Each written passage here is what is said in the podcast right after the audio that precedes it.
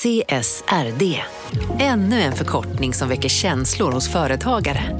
Men lugn, våra rådgivare här på PWC har koll på det som din verksamhet berörs av. Från hållbarhetslösningar och nya regelverk till affärsutveckling och ansvarsfulla AI-strategier. Välkommen till PWC. Hej! Är du en av dem som tycker om att dela saker med andra? Då kommer dina öron att gilla det här. Hos Telenor kan man dela mobilabonnemang. Ju fler ni är, desto billigare blir det. Skaffa Telenor familj med upp till sju extra användare. Välkommen till någon av Telenors butiker eller telenor.se. Om en yogamatta är på väg till dig, som gör att du för första gången hittar ditt inre lugn och gör dig befordrad på jobbet men du tackar nej för du drivs inte längre av prestation. Då finns det flera smarta sätt att beställa hem din yogamatta på. Som till våra paketboxar till exempel. Hälsningar Postnord.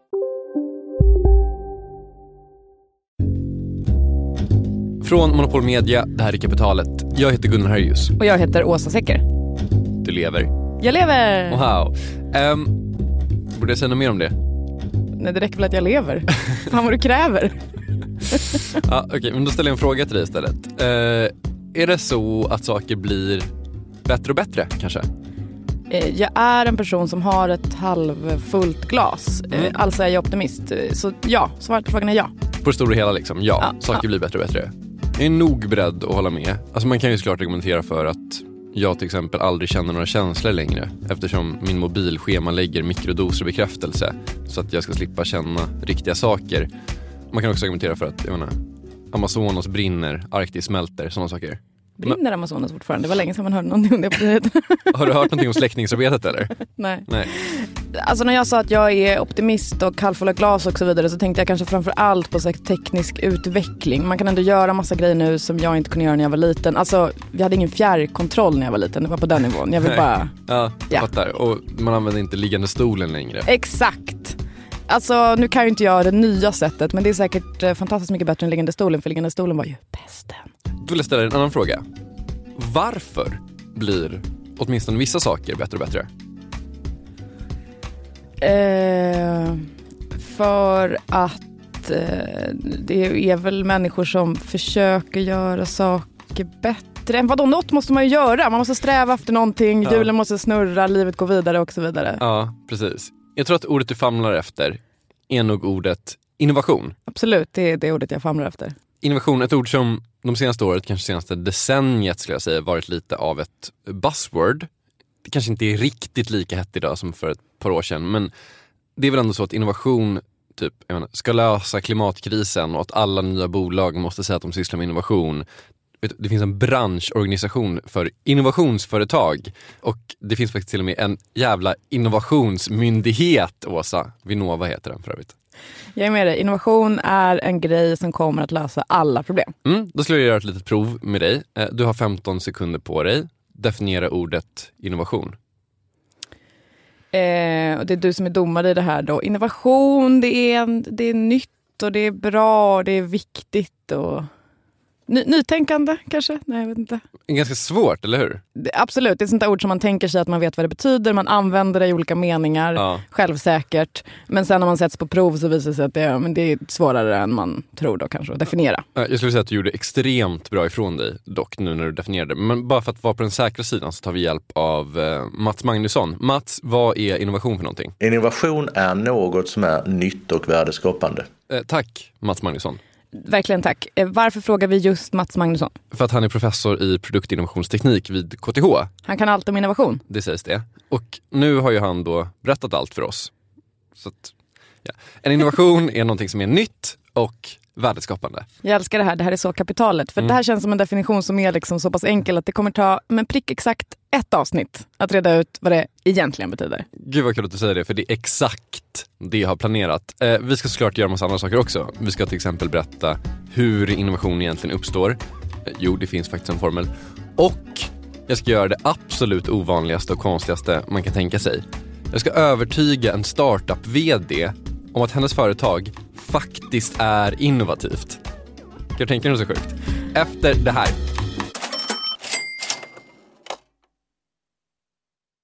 Vi sponsras av alltså Storbrand Asset Management som ju förvaltar över 1000 miljarder norska kronor, bland annat för SPPs eh, många pensionssparare. För två år sedan så investerade Storebrand i drygt 60 tåg, alltså tågvagnar, eh, som rullar mellan London och Skottland. De leasar sedan de här tågvagnarna till tågoperatören som alltså kör tågen och säljer biljetter och sånt eh, med ett avtal på 27 år. Så britterna får nya fina tåg och storbrandskunder, eh, däribland alltså SPPs pensionssparare, får en inflationsskyddad avkastning med låga risker under lång tid. Det här är ett av supermånga exempel på hur pensionskapitalet i växande omfattning bidrar till att bygga samhället och inte minst till att klara klimatmålen. Det behövs elproduktion, elnät, batteriparker, nya transportlösningar och allt möjligt. Bara i Europa antas investeringsbehovet för att klara klimatmålen uppgå till tusentals miljarder dollar. Och det här är ju pengar som ganska ofta saknas i statsbudgetarna. Däremot är det här pengar som pensionsbolagen kan vara med eh, och stoppa in, vilket ger pensionsspararna en fin avkastning under lång tid samtidigt som man är med och ställer om samhället. Vi har gjort ett helt avsnitt om det här eh, som man kan lyssna på. Det publiceras här i Kapitalet i mitten av maj. Ratta gärna in det om ni vill lära er mer om hur det här funkar. Men tack säger vi till Storbrand Asset Management som ju investerar i alla tänkbara tillgångslag, bland annat för pensionsbolaget SPP. Och tillsammans försöker ju vi, Storbrand och SPP, öka medvetenheten om hur pensionerna funkar och vilken roll pensionerna spelar i samhället och i ekonomin.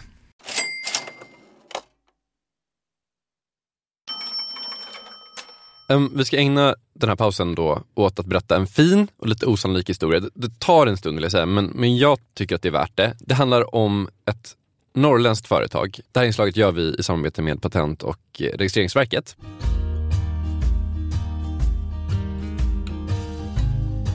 Min hustru startade något som heter Brittas pensionat 2004 och drev det som ett pensionat med restaurang och boenderum. Vem är det här? Det här är Kent Lindvall, Brittas make.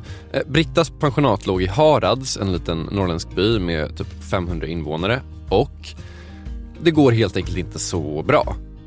Vandrarhemmet var ju eh, väldigt svårt att få ekonomi att driva runt i en liten by på Harads. Sen hände någonting ganska otippat. En dokumentärfilmare från samma lilla by, Jonas Selberg Augustsen, kommer hem till Norrland från Stockholm för att göra en film om träd. Hur mysigt? Underbart. Eh, han bygger en träkoja mitt ute i skogen. Och när filmen är inspelad så testar Kent och Britta att hyra ut kojan som ett hotellrum. Håll i dig, gästerna älskar det. Det vi noterade var ju när de kommer ner tillbaka till frukosten till pensionatet att de var överlyckliga av upplevelsen att få bo högt upp i en tall med utsikt. Så vi förstod det, att det var något som man kunde göra mer och bättre av. Samma år som filmen kommer ut, 2008, så arrangerar Kent en fiskeresa till Ryssland. Tre av gästerna är namnkunniga arkitekter. Kent ser en öppning, han passar på. Verkligen. En kväll runt lägerelden så berättar Kent om en ny idé. Att bygga arkitektritade träkojor mitt ute i den norrländska skogen. Ett trädhotell. Jo, eh, jag tog upp, visade lite bilder av den originalkoja som vi drev, alltså filmkojan och Eh, berättade att vi hade en idé om att bygga egna trädhotellrum. Nej, de, de, de var ju som, det drog igång en, en process direkt hos dem.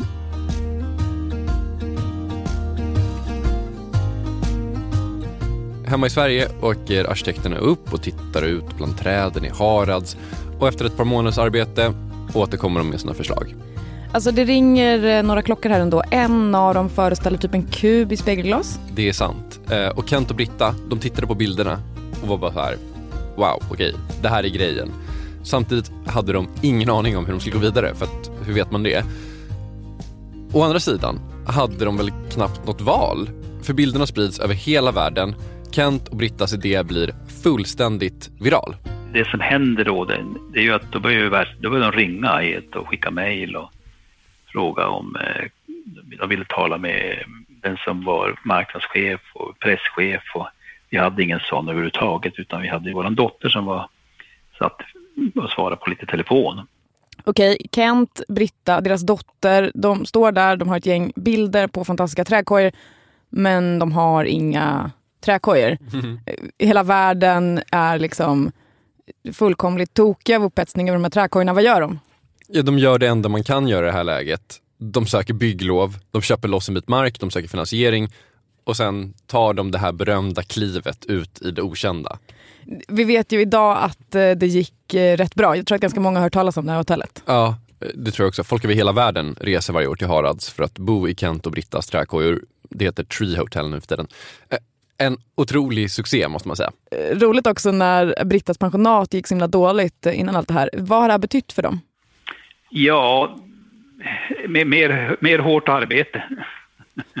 Nej, men det, det, det är klart att eh, det, vi, har, vi har tioårsjubileum i år. I början var det ju tufft att dra igång det, och, men, men idag är det ju en väl fungerande verksamhet och det är bra beläggning. Mycket av allt det här är förstås en slump. Alltså att den här dokumentärfilmaren dök upp när pensionatet i Harads gick dåligt. Så det är ju liksom mm, perfekt storm av olika grejer som händer. Men det finns också liksom mycket list bakom hela Tree Hotel.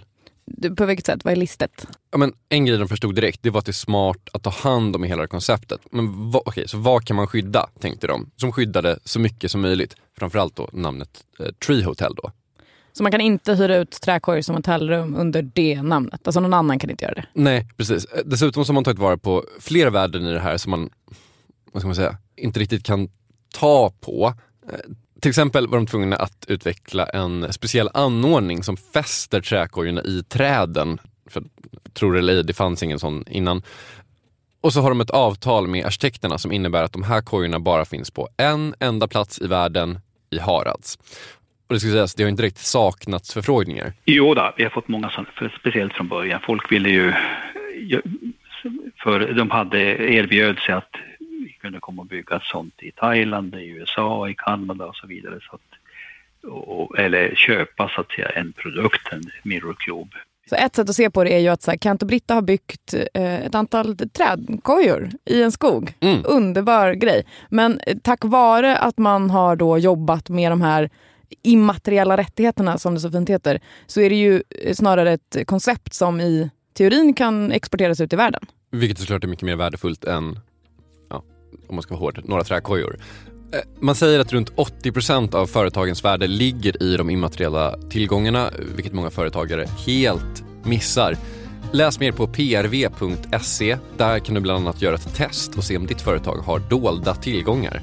En grej. Alltså prv.se.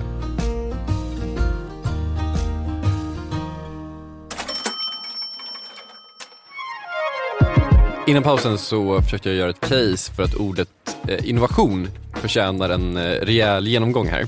Eh, Absolut, innovationsmyndighet, innovation ska lösa allt. Jag är med. Mm, jag har ett till argument. Hon heter Linn Markryd. På ett sätt så, alltså jag har ganska mycket innovationskomplex eh, faktiskt. Linn Markryd har alltså innovationskomplex. Hon har komplex för att företaget som hon är VD för kanske inte innoverar.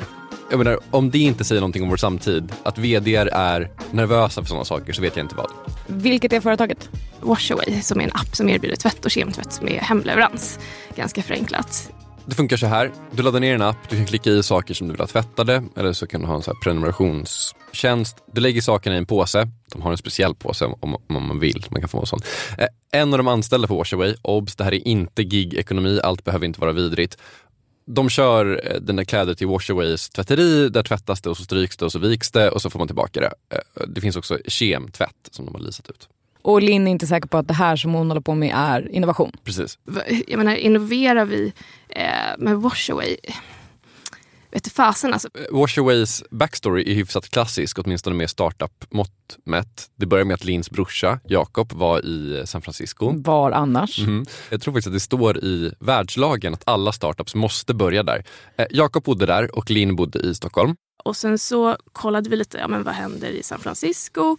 Eh, och då, liksom, vilka idéer finns där eller vilka saker händer där men finns inte i Stockholm än? Och då var just en sån här grej eh, var, eh, kemtvättsbranschen. Samtidigt som jag satt ju också eh, i finansbranschen hade kostym varje dag och han knappt typ äta middag eh, för att man jobbar så mycket. Ännu mindre hann jag väl liksom gå till kemtvättsbutiken. Jag vet att eh, jag tappade bort massa grejer för att jag glömde liksom vilken kemtvättsbutik jag lämnade in det på. För det var någon av de typ fem som låg på vägen till jobbet. Och så tappar man bort kvittot som man liksom får när man lämnar in sina kemtvättsprodukter. Eh, och då sa vi att ah, men fasen, börja kolla lite grann på det här. Hur funkar det egentligen? Lins brorsa, håll i dig, lär sig att programmera och gör en app. Jag skakar på huvudet nu. Jag vet att det är radio, men jag skakar på huvudet. Jag vill att alla ska veta det. Till en början så kopplar den här appen bara ihop olika kemtvätter med kunder. Eh, Sen märker de att de här tvätterierna inte riktigt håller måttet, så då startar de en egen. Och frågan är, är det här en innovation? Mm. Förlåt, men varför är det viktigt för Linn att det ens är innovativt? Hon har startat en grej. Ja. Varför är det viktigt egentligen? Varför är innovation viktigt? Varför finns det en myndighet? Varför finns det tusen inkubatorer? Och varför är det viktigt för Linn att vara innovativ? Varför kan Mats Magnusson vara innovationsprofessor? Ska du berätta för mig varför innovation är viktigt nu? Mm. Svaret på det ligger väl lite i svaret på frågan om vad innovation är. Du minns vad Mats Magnusson, professor i produktinnovationsteknik vid KTH, sa att innovation är? Ja, det är något som är nytt och värdeskapande. Precis. Och vem vill inte vara ny och värdeskapande? Eh, Alltså, det hör man ju. Det är klart man vill vara det. Ny och värdeskapande, det låter underbart. Ja. Men eh, är det lite luddigt? Eller? Är, Ja. vi, är, vi klara, är vi klara med definitionen där verkligen? Självklart är vi inte klara med definitionen där. Jag tänker också att definiera ordet innovation lite bättre kommer nog också hjälpa till att förklara varför innovation är eh, viktigt. Men okej, nytt, det känns väl hyfsat oluddigt, eller hur? Ja, nytt som i fanns inte innan, typ. Men värdeskapande, otroligt luddigt. Ja, så vad är då värde? Om vi tar materialistiska filosofier som eh, till exempel marxism så har man ju ofta en idé om att värdet är produktionskostnaden. Men i de mesta ekonomiska teorin så har vi övergett den idén och istället fokuserar vi på värde som någonting som en subjektiv upplevelse. Okej, det, är inte- det är inte bara vi som tycker att det här är lite så här flytande. En professor säger att det här är en subjektiv upplevelse. Ja, då vet man. Eh, Något som är värdeskapande är alltså någonting som skapar en funktion eller en känsla som vi värdesätter. Men alltså kan man inte tänka att det i alla fall lite grann handlar om huruvida vi vill betala för det eller inte? Jo, det är ett vanligt sätt att mäta värde på. Men det är också lite begränsande, för det finns ju vissa typer av saker som vi är mer benägna att betala för än andra. Det finns också någonting som heter social innovation som är mer någonting som man inte ens vill ta betalt för. Alltså kanske man innoverar hur bistånd fungerar eller man innoverar hur utbildning, alltså du vet så här, grejer man inte vill ha pengar för utan man bara vill att samhället ska bli bättre. Olika rädda världen-grejer. Ja. Men vem bestämmer om det finns ett värde i något? Ja, en jättebra fråga och svaret på det är väl att alla gör det eller att ingen gör det. Skillnaden mellan eh, eh, det här att man inte bara pratar om innovation som någonting som är nytt, det hade ju varit ännu mer problematiskt att hantera det. Det är ju att vi historiskt sett så har vi ofta gjort en skillnad mellan en invention, en uppfinning och en innovation. Många uppfinningar blir ju innovationer, men alla blir inte det. De är helt enkelt eh, någon företeelse som helt enkelt är ny. Det är kanske till exempel en ny eh, en ny maskin, en ny eh, apparat, eh, en ny funktion, men som ingen uppskattar som värdefull. Och, och tittar man på eh, spännande patent, patent för, för att man ska få ett patent så krävs det att det finns någon typ av uppfinningshöjd. Så då, det finns många patent är ju de facto eh, uppfinningar. Så ser man ju att många av dem har aldrig blivit någonting. Utan det var just kanske en bizarr idé som byggde på någon typ av ny funktion men som sen världen valde att inte se som värdefull. Vi ska göra ett litet innovation eller inventionstest med dig nu Åsa. Oj, oj, oj, oj, oj. Jag är fortfarande bränd efter gameshowen där jag tog typ ett poäng. Men okej. Var det ja. ganska bra. Jag kommer ge dig två papper. Det ena är en invention, en uppfinning. Det andra är en innovation, en uppfinning som är värdeskapande. Enligt mig då. Andra kan ha andra åsikter. Så det här handlar om att jag ska veta hur du tänker. Det är det som är testet. Alltså, jag kan säga att det ena är en uppfinning som har förändrat världen och skapat ett av de mest framgångsrika svenska företagen någonsin. Och det andra är en grej du aldrig hört talas om. Okej. Här är två papper på två uppfinningar som jag har skrivit ut från eh, patentregister. Okej. Det spelar någon roll vilket jag tittar på först. Eh, nej, du kan bara kolla på dem. Eh. Men jag ser inte vad det är. Eh. Kan du beskriva, kan du beskriva, Oj. kan du beskriva den, den där som du har i handen nu? Eh, men gud, är det ett... Är det en råttfälla? Nej, vad fan är det? Det är en hund som försöker äta någonting ur en Den har ett ben kloss. Ja, den har ett ben. i munnen. Ja, det är en fult ritad hund med ett ben i munnen. Som det ser ut som att den försöker slita loss från någon typ av betongkloss. Ja, och det här då? Kan du beskriva vad det här är för något? Ehm, ja, det här är olika cirklar. Okej, vilken är- rektangulära grejer. Jag vet inte, det Vilken är en innovation och vilken är en invention av de här? Nej men alltså den här som jag inte ens kan beskriva hur den ser ut för att det är bara olika cirklar och streck och siffror och rektangulära former. Den känns ju mer avancerad. Den är säkert, den är säkert en innovation och den andra är säkert bara en uppfinning för det är bara typ en pryl som är någonting för en hund och ett ben. Ja, jag kan ju då spoila då att det här då, den som är en hund, eh, det är då en anordning för fixering av tuggben för hund. Det är en matta som det sitter fast en kloss på som det är fäst ett, ett ben i. Och hunden ska då kunna bita och slita och dra i benet ut, och så liksom håller mattan och klossen emot. Men löser man ett problem som finns med det, hunden kan väl bara hålla i benet med sina små tassar? Jag är beredd att argumentera för att det här är en invention som kanske inte löser så mycket och inte, kanske inte är så värdeskapande. Det här, det är kullagret.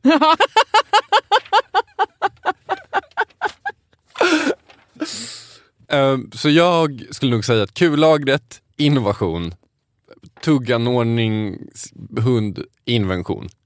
Jag skulle säga att det här är inte bara så som din hjärna funkar utan det är nog så. Ja, Rent teoretiskt då, alltså skulle det räcka med att jag tycker att en sak är värdefull för att det ska vara en innovation?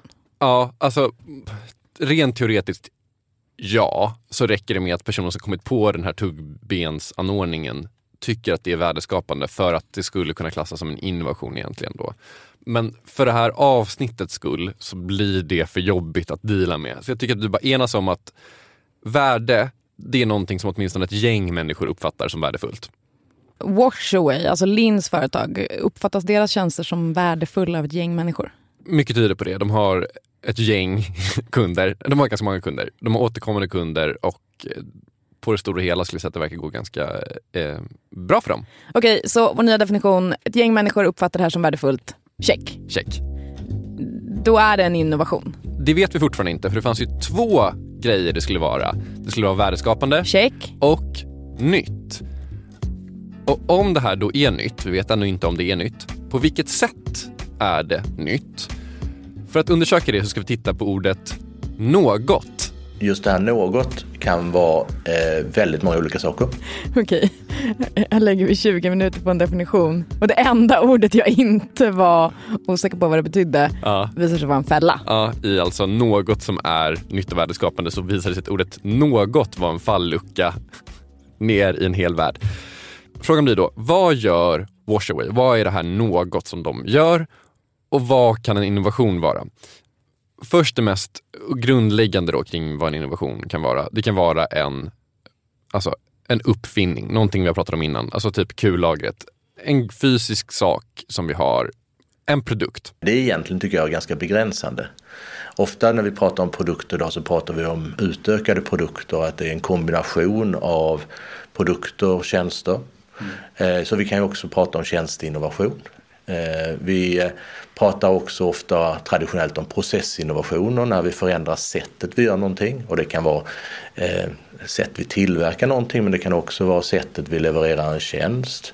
Det kan vara sättet vi genomför en administrativ process. Just nu känner jag att det kan vara exakt vad som helst. Jag förstår det. Det finns ett gäng uppdelningar då som gör det lite lättare att förstå det här och också förstå varför innovationer är viktiga. Uppdelning nummer ett. Vad är det vi innoverar? Är det en grej eller en tjänst? Är det produkt eller processinnovation?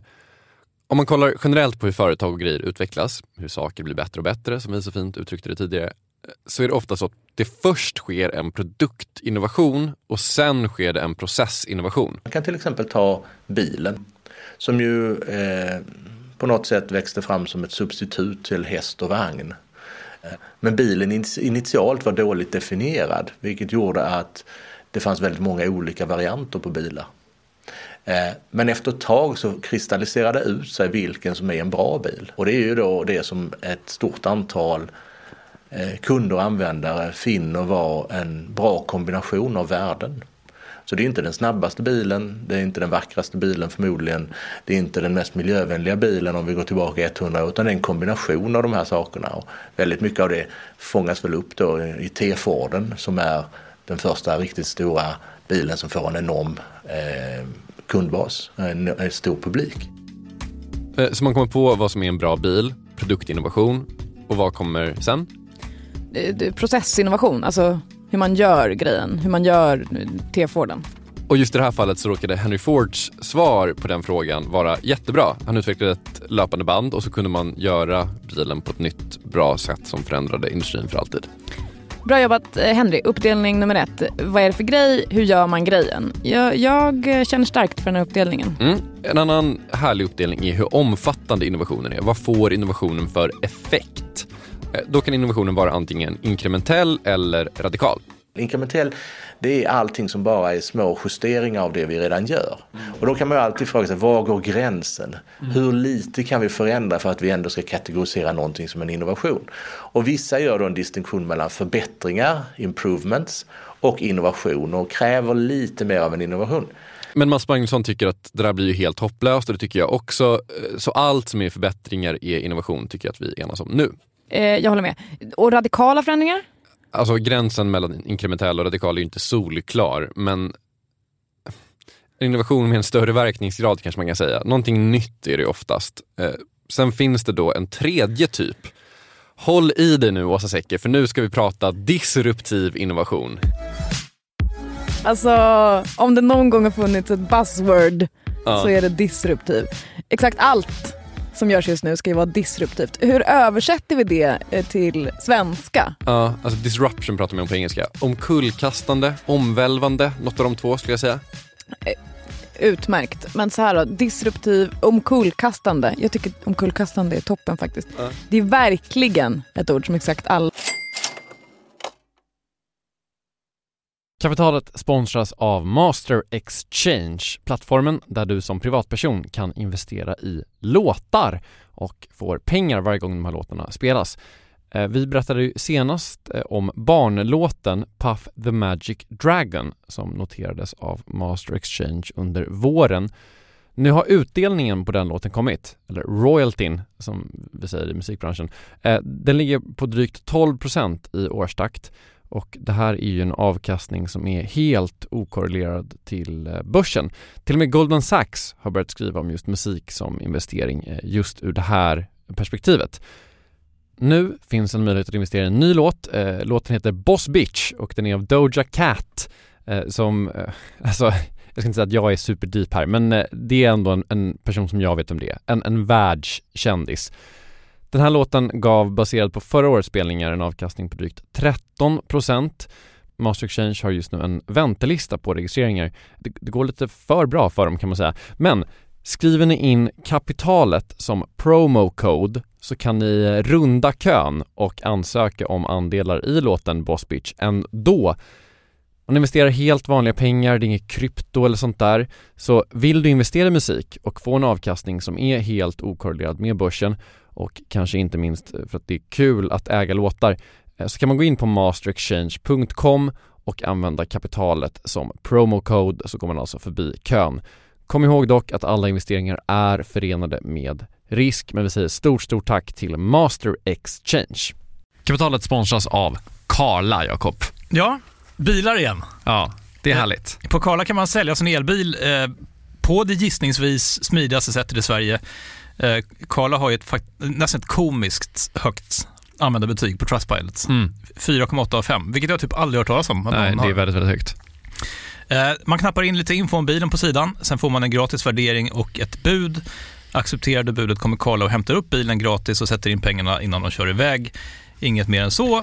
Rätt fantastiskt. Nej, det är faktiskt Ja. helt otroligt. Och eh, det kan bli ännu mer eh, otroligt än så. eh, För att vi har nämligen en eh, rabattkod som ger dig 2000 kronor extra för bilen. Så att om du säljer din bil så får du två lax extra. Stämmer. Bara sådär. Eh, koden är Monopol och eh, den uppger du när du har värderat bilen och eh, pratat med Karlas inköpare. Koden är giltig till sista maj så att eh, passa på om du går i säljartankar. Jag undrar om vi haft en kod som har gett två lax bara sådär någon gång. Det är Nej, helt otroligt. man behöver en bil förvisso. Absolut, så det är inte, kanske inte bara sådär, men det är ändå 2000 kronor extra. Väldigt bra. Ja. Så sälj din elbil eller laddhybrid till Karla. Du får 2000 kronor extra med rabattkoden Monopol.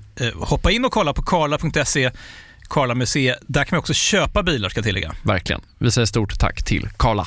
startups bara har sagt någon gång i en pitch utan att ha så mycket på fötter. Mm. Till exempel så har 100% av alla startups som är i det här avsnittet gjort det.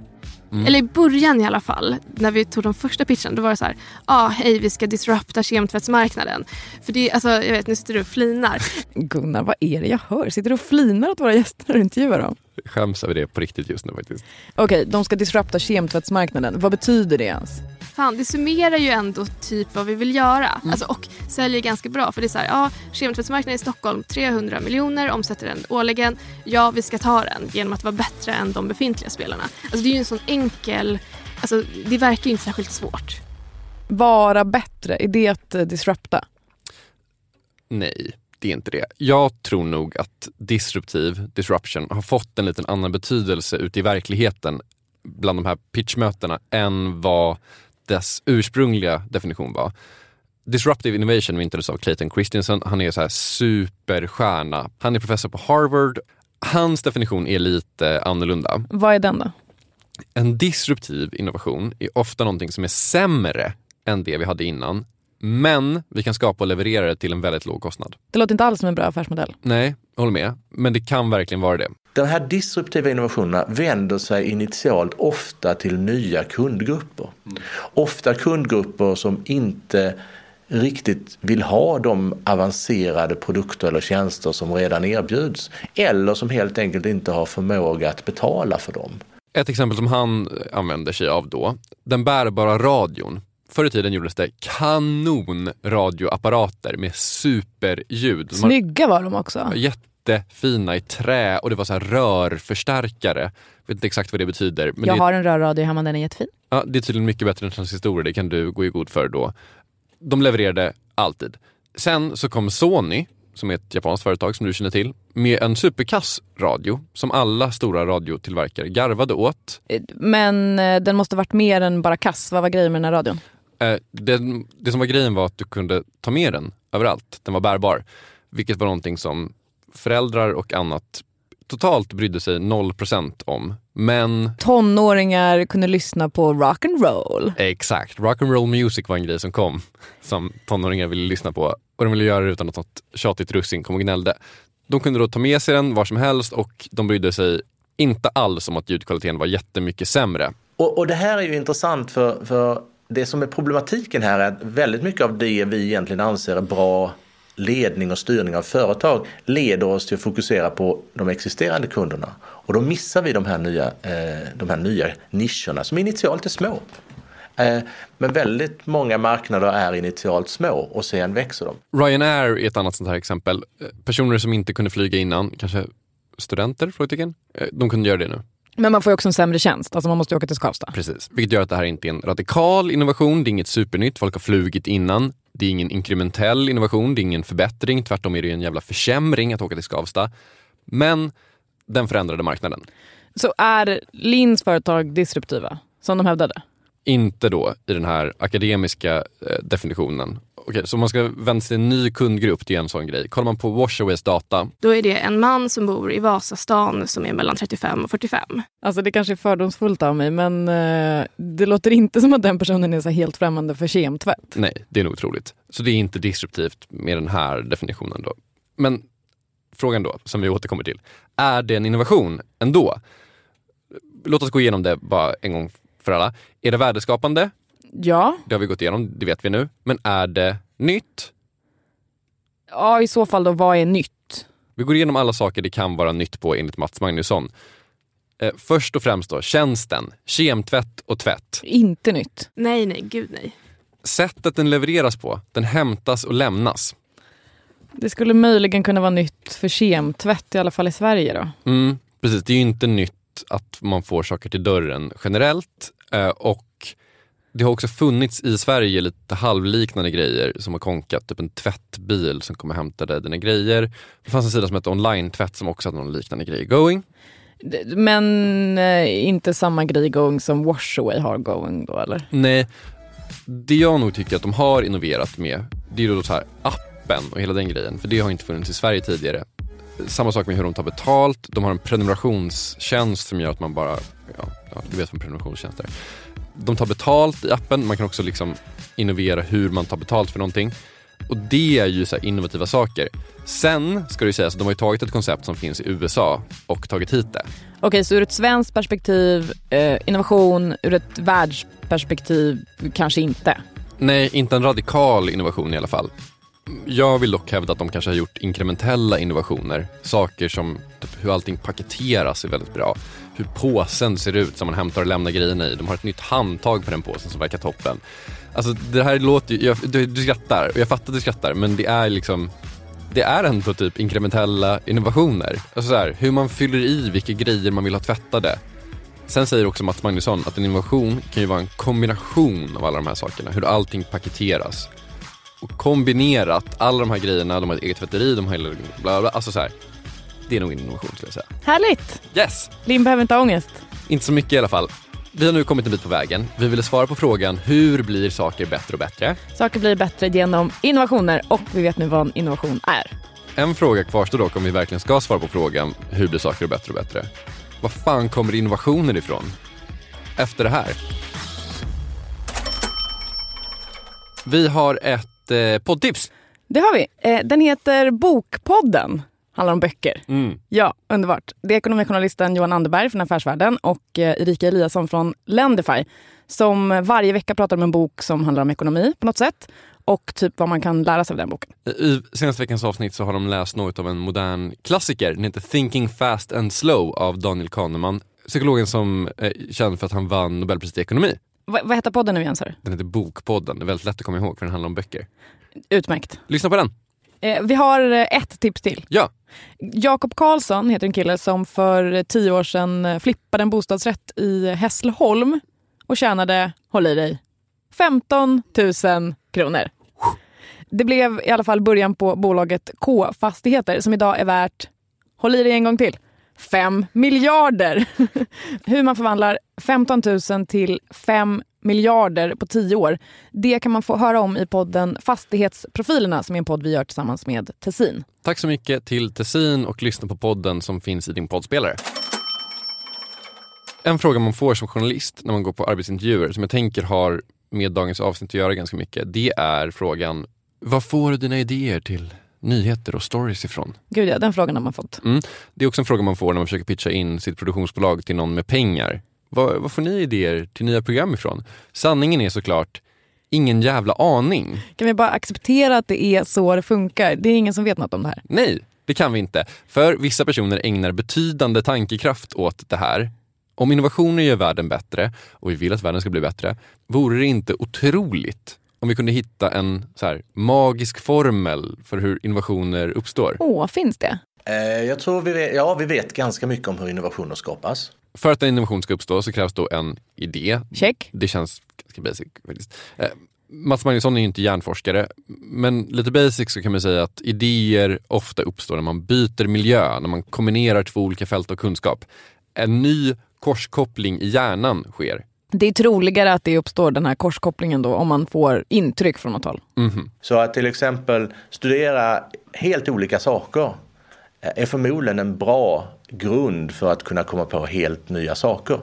Ehm, Så att studera humaniora och matematik eller ingenjörsvetenskap ger dig andra möjligheter att korskoppla saker än om du bara studerar en av de här sakerna. Okej, men det där är ju på individnivå. Alltså hur uppstår en idé?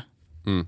Men, men det känns som att det är bara en del av formen. Alltså om man ska skapa ett innovativt företag så kanske man inte riktigt kan skicka alla ekonomer för att plugga jag vet inte, teknisk fysik och alla ingenjörer för att plugga konstvetenskap A. Nej, även om det vore underbart tycker jag. Men det du är ute efter, hör jag ju, är ju hur skapar man en liksom, miljö där innovation frodas? Jag vill ha de materialistiska förutsättningarna tack. Då ska du få det.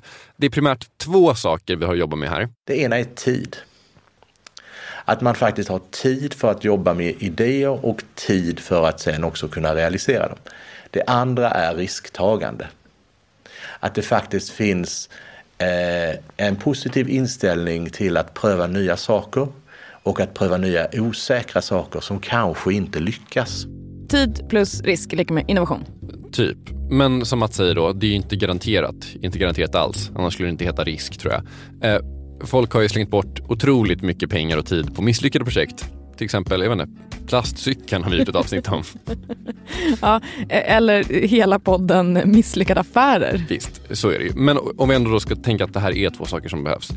Tid, det är inte en grej som finns på företag i Sverige idag. För att dagens företag har vi ganska begränsat med tid över. De flesta av oss eh, jobbar eh, hela tiden. Eh, och vi har inte en massa vad vi normalt refererar till som slack. Tid över. Och, och tittar man historiskt så har tid över varit en sån här källa till innovation, speciellt i, i industriföretag där när man har gjort sina grejer så har man provat något nytt. Man har byggt någon prototyp, man har testat någonting nytt. Den möjligheten är idag relativt begränsad och kringskuren för att konkurrenssituationen är sådan att vi inte har tid med det. Vi har inte råd med det. Eh, kan vi bara stämma av det här? Hade Linn tid när de utvecklade Warshaway? Alltså hennes brorsa pluggade distans och, jag säger det en gång till, lärde sig programmera för att göra appen. Sen så testade de den och sen så började de liksom jobba med den på, på riktigt. Så ja, det fanns väl eh, tid. Men om man kollar på företag generellt så fokuserar man mer på det som är brådskande än på att innovera. Som till exempel att man skriver klart ett avsnitt om innovation istället för att komma på en ny podd. Ja, vilket ju är bra. För då kan man göra det här avsnittet och vi tjänar pengar på att sälja annonser i det här avsnittet. Men det kanske inte är det bästa sättet att disponera min tid. Eller vi vet inte det. Du menar att eh, du hade kommit på en superbra podd om du inte hade gjort det här avsnittet? Det finns det inga garantier för. Men det är också det som är poängen. Det krävs risk. Och här tror Mats Magnusson verkligen att många, framförallt företag, är på väg åt helt fel håll. Idag så eh, följer vi upp väldigt mycket av vad vi gör och eh, vi har en annan insyn i hur saker och ting egentligen förlöper. Eh, vi har också höga krav på att saker och ting ska bli rätt från början. Eh, det i viss mån motarbetar innovation, för innovation är ofta en process där vi får bakslag, där saker och ting inte fungerar utan vi måste hitta nya sätt att lösa det på. Eh, och det är vi ganska dåliga på att hantera i, i många organisationer. Att vi faktiskt gjorde någonting och så blev det inget av det. Och det var kanske inte för att vi gjorde fel utan för att kanske idén i sig inte var tillräckligt bra eller att förutsättningarna inte fanns just nu. Kanske var vi för tidigt ute med någonting, någonting som skulle fungera senare men inte just nu. Och det här eh, är ju frågan, hur hanterar vi det här om vi gör någonting och det misslyckas? Hur hanterar vi det i ett företag? Eh, och där ser vi att det finns jättemycket att göra. Vad finns det att göra? Ja, men det Mats pekar på här, som är den stora grejen, det är ju då det svåraste på jorden. Vi måste lära oss att tänka lite annorlunda, utvärdera lite annorlunda, räkna annorlunda. Om vi gör någonting här och det faktiskt inte faller väl ut, ja då är det lätt att se det som ett misslyckande. Men det finns ju den andra sidan av myntet, nämligen alternativet att vi inte provar att göra någonting nytt som egentligen hade visat sig vara väldigt framgångsrikt. Mm. Och det är ju egentligen då den missade innovationsmöjligheten. Om vi tittar på hur vi följer upp aktiviteter i bolag och organisationer så är det ju så att vi följer upp eh, de innovationsförsök som görs. Och så ser vi om de lyckas eller inte. Men det är ju ingen som egentligen har 100% koll på vilka är de missade möjligheterna. Och det, det leder ju till att vi förmodligen fokuserar lite för mycket på att inte göra fel istället för att faktiskt experimentera med vissa saker som kanske hade blivit väldigt framgångsrika. Så man kommer på ett bra sätt att räkna på alternativkostnaderna så hade man kunnat tänka på ett annat sätt, få mer kreativa, innovativa, bättre företag som gör saker bättre och bättre? Ja. Finns det något sånt sätt att räkna? Nej. Eh, OSIS? Det enda vi vet är... Att sätta den till noll ja. är definitivt fel. Så ett visst mått av experimenterande är förmodligen det ekonomiskt korrekta? Och frågan blir då hur hög grad av experimenterande är det ekonomiskt korrekta? Eh, det är ju svårt. Men det vi vet är eh, att risk behövs. Tillbaka till vårt exempel då, Washaway. Risk? Frågetecken. Linn slutade då på sitt välbetalda jobb. Låter ju riskfyllt tycker jag. Sen fick de tre mil i riskkapital efter ett tag. Så någon annan eh, tog ju risk. Jag skulle säga, Bekvämt. Som innovationsföretag betraktat så har Washaway haft de två saker som behövs för att skapa innovation. Okej, okay, eh, jag sammanfattar lite då. Vi vet vad en innovation är. Eh, vilka typer av innovationer det finns, eh, vad vi ska ha dem till. Vi vet om en tvättjänst är en innovation eller inte. Vi vet hur innovation uppstår, eller i alla fall under vilka förutsättningar. Är det allt? Nej, det finns en grej kvar. Den tråkiga grejen. Jag hatar tråkiga grejer. Många gör ju det. Det är därför vi pratar så lite om det och det är också därför det kommer så sent i det här avsnittet. Allt det här som vi pratade om innan är ju kul. Komma på grejer, hitta problem att lösa, härja runt. Roliga saker. Sen, det tråkiga, vi måste ju utföra allting också. Väldigt mycket eh, av eh, fascinationen av innovation är just i de här tidiga faserna.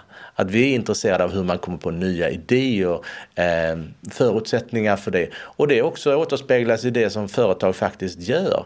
Väldigt många företag när de beslutar sig för att nu ska vi göra en ansträngning på att eh, driva fram innovationer. Det första de gör, vilket är logiskt, det är ju att man funderar på har vi tillräckligt många bra idéer? Hur kan vi se till att vi får fram de här? Ofta kör man då någon typ av aktivitet där man uppmuntrar människor att skapa idéer antingen på individuell basis eller gemensamt i olika övningar. Och det har en viss effekt. Men det skapar ju inte en innovation, det skapar idéer. Och, och det man underskattar ofta är ju den här andra delen där det är oerhört slitsamt. För att man ska övertyga andra om värdet av någonting som är nytt och man kanske är den enda som ser det värdet.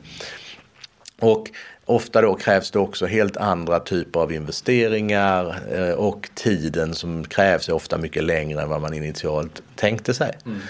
Eh, och det gör ju att väldigt mycket innovation stannar på vägen. Okej, så uthållighet är sista nyckeln till innovation?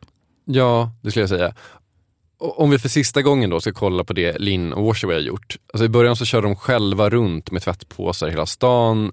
Alltså, sånt är ju tråkigt och jobbigt och de har liksom öppnat ett eget jävla tvätteri. Alltså det är inte skitkul tycker jag det som. Eller så är det kul för att man känner sitt självförverkligande ticka innanför bröstet. Men eh, utan allt det där så blir det heller inget företag. Precis. Jag tror att jag har hört kanske 50 gånger eh, från kunder och andra människor man stöter på att ah, den där idén hade jag också börjat eh, liksom skruva lite på. Eh, eh, fast för jättemånga år sedan. Eh, och det är ju liksom så här, det förstår jag för det är, alltså det är inte rocket science. Alltså vem som helst fattar att så här, ja, tvätt och kemtvätt vill man ha hemlevererat. Mm. Eh, men sen så är ju skillnaden liksom, tar du det vidare och faktiskt genomför det i praktiken eller inte? Och det är väl det som kanske är definitionen av en entreprenör egentligen. Det kanske inte nödvändigtvis är själva idén utan det är liksom att man genomför det. Okej, jag fattar att du har lagt det här sist. Alltså det, är, det är lite eh, jobbigt att behöva höra att man också måste jobba jättemycket för att något sånt här ska funka. Ja. Alltså man vill att det bara ska räcka med att man har en grym idé. Ja, jag vet. Det är hemskt. Men summeringen är väl då, om vi ska svara på ursprungliga fråga. Världen blir bättre genom innovation, som kommer från tid, risk och supermycket slit. Det tar vi med oss. Vi som gjort kapitalet idag heter Åsa Secker och Gunnar Harjus. Kristoffer Krook har slutmixat och gjort låten ni hör just nu. Tack också till eh, Niklas Winge som hjälpt till med det här eh, avsnittet. Kapitalet är tillbaka igen om en vecka. Tills dess kan ni följa oss på Instagram. Där heter vi Kapitalet. Det är bra. Hej då! Hej då!